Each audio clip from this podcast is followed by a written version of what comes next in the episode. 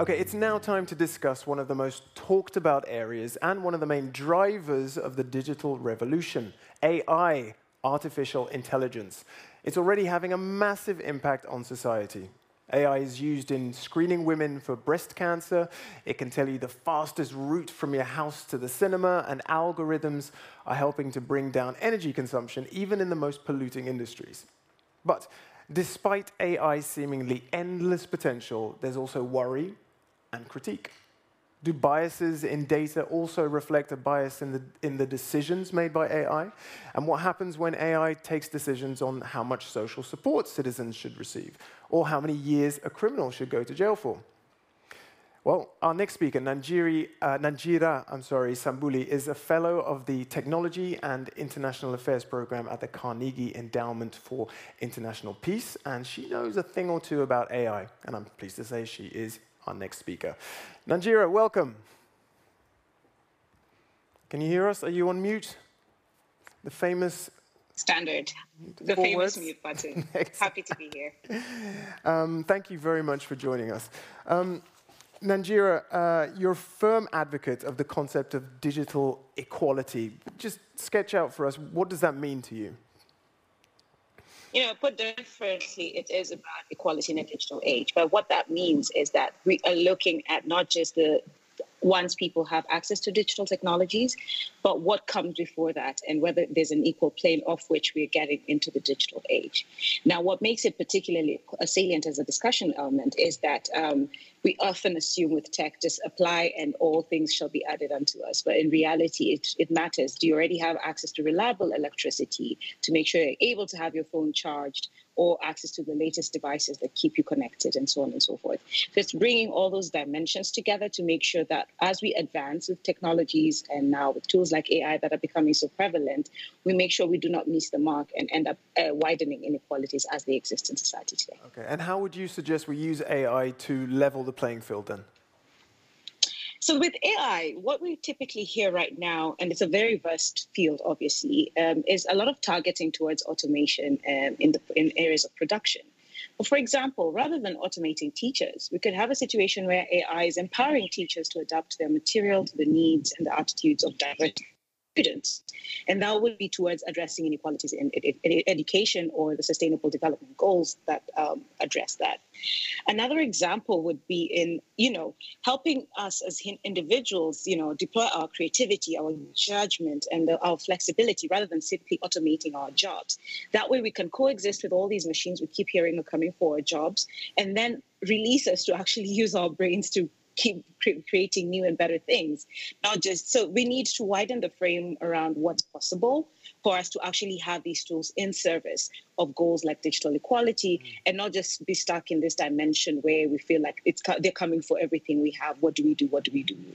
Who are you locking in a room? You're kind of calling for us to think more in a kind of a, abundance mindset rather than a scarcity mindset. Absolutely. But that's not Absolutely. easy to do, right? How, how do you how do you no, suggest not. we go about doing that? No, it's not. And I think, you know, for, first of all, with folks uh, in, in, in, sessions like these, we bring all these possibilities. I think in reporting or in the kinds of literature or material that is out there about these technologies, we need to widen the frame of possibility so that even those who are designing them are working, will have picked up on something different from what is the prevailing norm. I think these are the, that's how technologies remind us that we are not necessarily encoding the best of us. We need to keep, uh, you know, making that sure that that's the raw material, if you will that feeds into the mind and seeds into whoever will be creating that big next big thing, they'll have heard that there's another way to do it, hopefully. Okay, and for all the, the people who are worried out there, what was the one thing that you would like them to take away from this session on AI? One, one thing, very briefly. One thing is it's, it's both good and bad, and we need to be okay with that. We need to create room in our minds to sit with the discomfort of the two, because I think if we fall too much on one side, we risk overlooking the other. Um, and that's in, in, already in the history of digitalization has shown us is a very expensive mistake to make. So I like to say it's the time to start marinating in the complexity and the discomfort of both good and bad situations, and then deliberately work on how we get to get more of the good than the bad, and not always react to the bad. Wonderful. Thank you very much. I like that. That's very powerful. Sit with the discomfort. I think that's uh, um, something we're not comfortable doing, and it's a very good idea. Right. Thank you, Nanjira Sambuli. All the best. Thank you for having me. Okay, um, uh, to make the abstract more tangible uh, and to help us understand the complex, we've historically turned to artists. And that is exactly what Tech for Democracy has done by asking the world renowned AI artist Cecilia Falkenstrøm. I apologize for the Danish pronunciation, Cecilia, um, uh, who focuses, uh, whose artwork focuses on AI and democracy. And, and, I'm very glad to say she is here right now to join us. Cecilia, welcome. Round of applause, Thank please. Thank you. Thank you for joining. Um, Cecilia, today's conference is about tech and democracy. Um, what, um, what do you think can be understood about that relationship through art? So basically, art has this amazing room it can create where we can investigate potential futures. Because often, as human beings, in a way, we are caught in the present, we are caught at the opportunities that we have at our hands right now.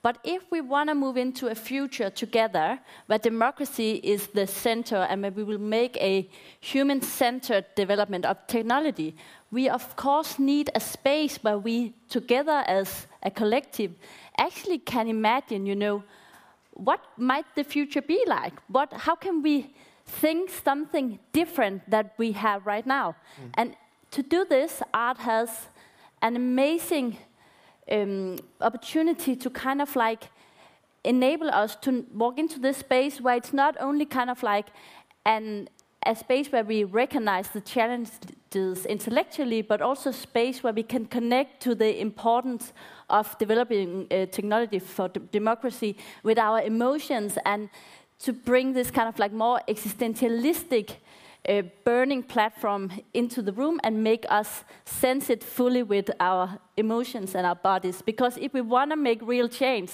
it's not enough for us to recognize it. Yeah. We need to feel it to actually act. Super interesting. I think it speaks as well to what Nanjira was saying. Like, be open to sitting with the discomfort of the, that digital future, whatever it holds.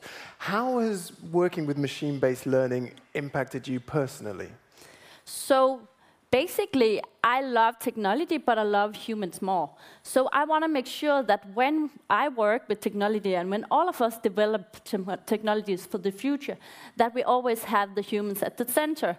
And what I have realized in my art practice uh, working with the machine learning technology is, of course, that when we have these self-learning algorithms, they can go out of tangents on their own, but we also always need to remember that when they go in a certain direction, in a way we have always in our own code set the direction for that. So there's something really important in not being too kind of like absorbed in this kind of like meta story about the kind of like self-learning artificial super intelligence, but actually to go into and understand that this is a space where we as human beings in a way are developing the, the algorithms that are then syncing with us. Okay, well let's let's put this in context because you have also created an art piece for all of us here today, right?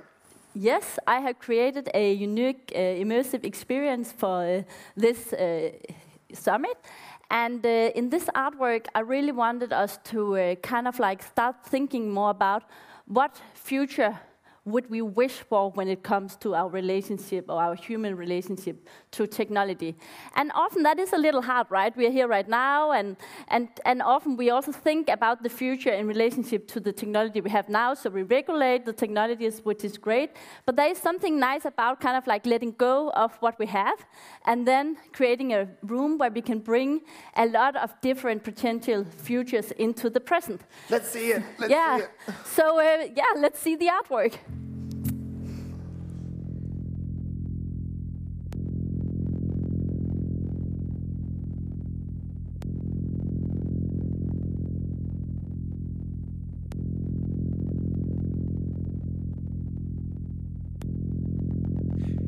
Certain that in the coming years we will see an acceleration of technology and a transformation of the way people live and interact.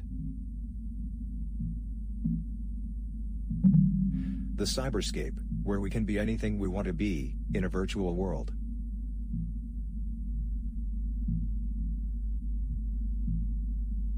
Other people will live in a world where their minds are embedded in a network of sensors,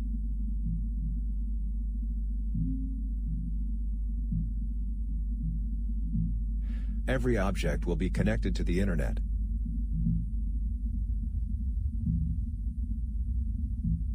And this will be augmented by implants in the brain, heart, and other organs that will allow us to interact directly with the physical world.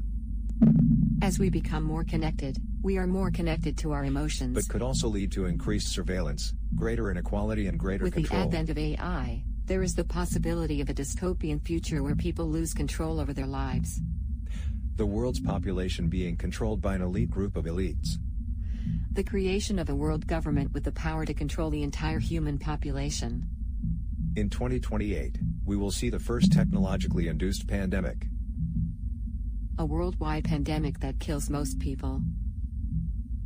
With the emergence of a global mind machine civilization, a new type of human will emerge. In 2028, the first human machine hybrids will be born. The distinction between flesh and machine will disappear. Robots and AI systems running the world by 2030 and beyond. In a world where humans are no longer needed, humans will be viewed as an inferior species. And in the long term, the planet will have been radically altered. In the year 2025, there will no longer be any need for human beings to live on Earth. Space colonies will provide a home for the world's refugees.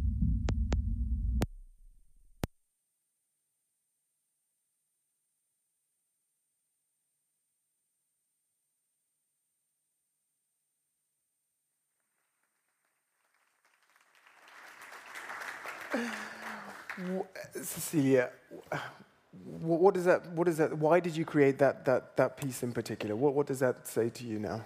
So, so basically, first of all, I want to let everybody here know that actually everything we saw here was created with artificial intelligence technology or machine learning algorithms. So Everything, everything, everything. So basically, we have uh, assembled a data set of uh, a lot of uh, human articulations about our utopias and uh, dystopias for the future.